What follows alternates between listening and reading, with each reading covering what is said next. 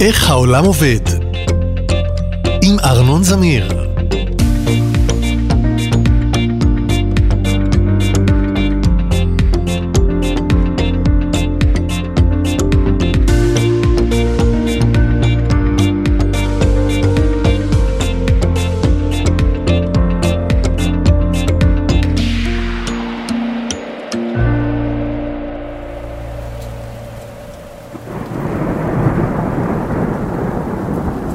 הגשם החל בארבע לפנות בוקר, ולא הפסיק לרדת עד שקמתי. הטיפות עצמן לא הרעישו, ולא הייתי חושב אפילו לצאת בגללן מהמיטה. אבל לג'ק היו מחשבות אחרות. ברגע שהתחיל הגשם, הוא הפך עצבני וקופצני. הוא התיישב ליד הדלת ועיבב בלי לתת לי רגע אחד של שקט. יש לו יבבות כאלה לג'ק, שלא שמעתי מעולם משום חיה אחרת. לא חזקות, אפילו כמעט חרישיות.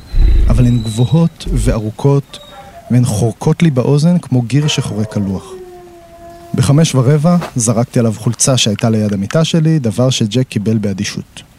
הוא יודע שזה אומר שנמאס לי, ושמיד אקום ואפתח לו את הדלת, והוא כרגיל צודק. דקה אחר כך הוא כבר היה רתום לרצועה לצוואר, ואנחנו היינו בחוץ. הזרזיף היה דוקר ומעצבן. אין לי שום בעיה עם גשם, אבל אמצע הקיץ עכשיו, ובכלל, או שירד גשם כמו שצריך, עם רוח וברקים וכל זה, או שתחזור השמש. לג'ק לעומת זאת זה לא מפריע. הוא מתח את הרצועה עד הקצה והוא התעופף מעליי וקצת לפנים, נהנה מהטיפות על העורף ומדי פעם נושף קצת אש ונהנה מהקיטור. מכיוון שאנחנו גרים באמצע תל אביב, אני מוציא את הדרקון שלי לטיולים רק מוקדם מאוד בבוקר או מאוחר מאוד בלילה. אחרת הוא פשוט מפחיד את החתולים וגם כמה מהאנשים בסביבה. אני יודע שהוא דרקון מנומס, הוא כמעט אף פעם לא נושף על אחרים, ואם אני אומר לו רגלי, הוא נוחת על המדרכה ומפסיק להתעופף. אבל יש כאלה שזה מדאיג אותם, והווטרינרית אומרת שזה אופייני לדרקוני בית, וצריך פשוט להשגיח עליהם. טוב, לפעמים אני אוהב להמציא סיפורים על דרקונים ועל מכונות ועל קוסמים ואופניים חשמליים, והאמת על אלף ושלושה דברים אחרים. אני ממציא סיפורים במקלחת או בנסיעות ארוכות, או לפעמים כשאני מטייל עם הכלב בעיניים טרוטות לפנות בוקר ותחת גשם קל. אם אי פעם אקבץ את ההמצאות האלה לספר, הוא ייקרא כנראה הדרקון מרמת ישראל. אבל עד אז, אני רוצה לספר לכם איך באים ספרים לעולם. אז קודם כל יש לספר את הסיפור. לא חשוב אם הוא על דרקוני בית, על סוסי בר, על קרישי יבשה, או אפילו על יומנו של ילד בחטיבת הביניים שכותב בכתב יד על דברים שקוראים לו מוסיף ציורים מצחיקים. צריך לשבת ולכתוב.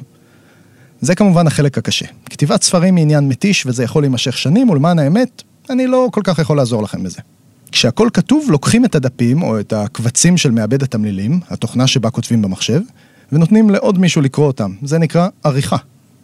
העורך מציע שיפורים. לעתים הוא מציע להעריך קטע או לקצר קטע, הוא מתקן שגיאות תחביר ולשון, ובכלל, עוזר לסופרת או לסופר להפוך את הסיפור שלהם למשהו שהקורא באמת ירצה לקרוא. בשלב השני אפשר להוסיף גם איורים, תמונות וציורים שילוו את הספר, וכמו כן, צריך להחליט באיזה גודל יהיה הספר וכמה עמודים הוא יכלול, וכן הלאה וכן הלאה. עכשיו צריך רק להדפיס את הכל על נייר ולחבר את הדפים לפי הסדר, ואז לעטוף אותם בכריכה יפה ולהפיץ אותם בחנויות הספרים, ובנוסף כמובן לשכפל אותם במאות או באלפי עותקים, ולא רק זה, גם לעשות את כל זה מהר ובלי טעויות. בשיטה שאתאר לכם עכשיו, מדפיסים ספרים, בצורה דומה מדפיסים גם עיתונים ואלבומים, חוברות של קלפים ואפילו יומנים של חנונים. דבר ראשון, מעמדים. עימוד הוא חלוקה של הספר, ניחשתם אני מקווה, לעמודים. כל עמוד צריך להכיל מספר ידוע של מילים וגם צריך לחשוב איפה ממוקמות התמונות ולוודא שפרק מסתיים בעמוד משלו ושכל פרק מתחיל בעמוד קדמי של הספר, כלומר בעמוד שפונה אל כיוון הקריאה. משקיעים הרבה זמן בסידור הטקסט וזה גם הזמן להוסיף הקדמות, סיכומים, תודות ותוכן העניינים.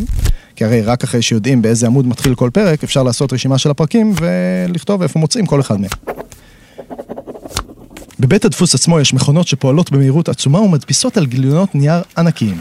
הגיליונות גדולים בהרבה מעמוד אחד של הספר, לכן לוקחים את כל העמודים ובאמצעות תוכנה מסדרים אותם, שמונה עמודים בכל פעם על כל גיליון, כך שבכל פעם שהמכונה תפלוט גיליון מודפס, יהיו בו שמונה עמודים בצד אחד ושמונה עמודים בצד האחר. אגב, לא מסדרים את העמודים 1, 2, 3, 4, 5 עד 8 בצד אחד ואז את 9 עד 16 בצד השני. מסדרים את 1 ואז 16, ואז 13, ואז 4. זה אולי לא נשמע הגיוני, אבל הסיבה לסידור הזה היא פשוטה. אחרי ההדפסה אנחנו נרצה לקפל את הגיליון הגדול לחוברת, ובה יש 16 עמודים מהספר, כלומר 8 משני הצדדים. הגיליון מודפס משני הצדדים, אז אם תספרו איתי, גיליון אחד, שני צדדים. אחרי קיפול אחד יש לנו שני גיליונות, ארבעה צדדים. אחרי הקיפול השני, ארבעה גיליונות ושמונה צדדים, ואחרי הקיפול השלישי נקבל חוברת של שמונה דפים, כלומר 16 עמודים מודפסים. הסידור על הגיליון הוא כזה שאחרי שלושת הקיפולים כל עמוד יגיע למקום שלו ובסדר הנכון. זה קצת מבלבל, אבל אתם יכולים ממש בקלות לנסות את זה עם דף נייר ועט ולהיווכח שזה ממש ממש אפשרי. מכונת הדפוס פועלת בשיטת הסרט הנע. היא מושכת מערימה גדולה גיליון נייר אחד בכל פעם, מדפיסה עליו, ואז מקפלת וחותכת. ההדפסה עצמה נעשית בעזרת חותמת גדולה שנקראת גלופה. בחותמת רגילה יש בליטות בצורה של הציור או של המילים שהיא כותבת. מטביעים אותה בכרית דיו ואז לוחצים אל הדף, כך שהחלקים הבולטים של החותמת נוגעים בדף, כמובן מעבירים אליו דיו. במקומות שאין בליטות, לא יופיע ציור על הדף. אפשר לעשות בקלות חותמות באצבע. שימו ממש ממש מעט צבע, למשל צבע גואש או טיפת דיו מיטוש בקצה האצבע, והטביעו אותה על נייר לבן ונקי. טביעת האצבע שמופיעה היא החותמת האישית שלכם, אם תרצו. החותמות שמשמשות להדפסת ספרים הן גדולות בהרבה.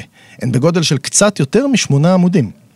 מייצרים אותן מלוחות מתכת דקיקים שבהם צורבים גבעות ועמקים בצורת המילים שצריכות להופיע על הנייר. ואם אתם מדמיינים לוח גדול ושטוח שעולה ויורד על הנייר, אתם צודקים במנגנון, אבל טועים בתקופה. בעבר היו מכונות הדפוס ממש מרימות ומורידות חותמות גדולות על כל אחד מהעמודים. זה עובד, אבל זה תופס המון מקום. במכונות דפוס מודרניות, לוח המתכת, שהוא החותמת, מגולגל מסביב לגליל גדול שנראה כמו הגליל שיש למכבש מקדימה.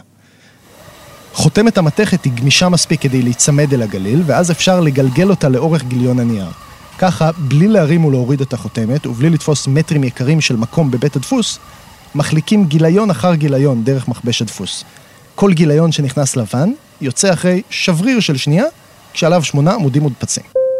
בזמן שהגליל הזה, החותמת, פוגש את הנייר מלמטה, הוא פוגש עוד משהו מלמעלה, את מיכל הדיו, שמורח את הגליל כל פעם בשכבת דקיקה של דיו, בדיוק מספיקה לגיליון שמתחתיו. בתחנה הבאה מקפלים את הגיליון שלוש פעמים. הגיליון עובר בין שני גלילים ונלחץ בדיוק באמצע, ככה שהוא מתקפל בדיוק באמצע. ואז שוב, ואז שוב, וקיבלנו חוברת של שמונה עמודים. אבל מה? הם עדיין מחוברים ביניהם בקצוות, אז אי אפשר לדפדף בהם. לכן בתחנה הבאה החוברת פוגשת שלושה סכינים. כל אחד מהם חותך כמה מילימטרים באחד מהקצוות ומפריד בין הדפים. אגב, אם פעם שאלתם את עצמכם איך מסדרים עמודים של ספר ישר ומדויק כל כך, הנה התשובה. מסדרים אותם לא כל כך מדויק, ואז חותכים את כולם יחד בסכין חדה, ככה שהקצה יהיה ישר ויפה. הדפים נשארים מחוברים רק בצד אחד, שהוא הצד של שדרת הספר, אבל אל תדאגו, מיד נחתוך גם אותו. המכונה האחרונה בשורה מסדרת את כל החוברות לפי הסדר. 16 עמודים בכל חוברת, עד שהספר מוכן. עכשיו, הוא נוסע על סרט נע ופוגש מסור, לא פחות, שחותך את הצד הרביעי. נברשת של דבק מורחת כמות די מכובדת של דבק על הצד שזה עתה נחתך, ומיד אחרי זה מדביקים אליו את הכריכה של הספר שמחכה לו פתוחה ומיד מגיע למקום הנכון. הדבק גם מחבר את הדפים זה לזה, וגם את הספר כולו אל הכריכה. האמת, שלא חייבים להפריד את הצד הרביעי, יש ספרים שבהם אוספים את כל החבילות של 16 העמודים ותופרים אותם ממש בחוט ומחט אל הכריכה, אבל רוב הספרים עובדים היום עם דבק. עכשיו, כל מה שנשאר לנו זה לאסוף את הספר, להריח את הנייר החדש ו... עוד לא הספקנו לחצות את הגינה והרגשתי שמתחילות צרות. מישהו שחרר נמר בלי רצועה, וגרוע מזה, יש לידו ילד על אופניים חשמליים. ג'ק תמיד רודף אחריהם ומנסה לערוך איתם תחרות. זאת לא בעיה, הוא בכל מקרה יפסיד, אבל הילדים לא מבינים שזה משחק ויש רוכבי אופניים שממש נבהלים. ג'ק עוד לא ראה אותם, הוא ריחף לו על הגב באוויר, נפנף בכנפיו הפצפוניות ונהנה מטיפוף הגשם על הבטן. אבל אני מכיר אותו, ואני יודע שמקרבות נמר דרקון אופניים באמצע הגינה, שום דבר טוב לא יצא. אז עזבו, אני לא אגלה לכם את הסוף.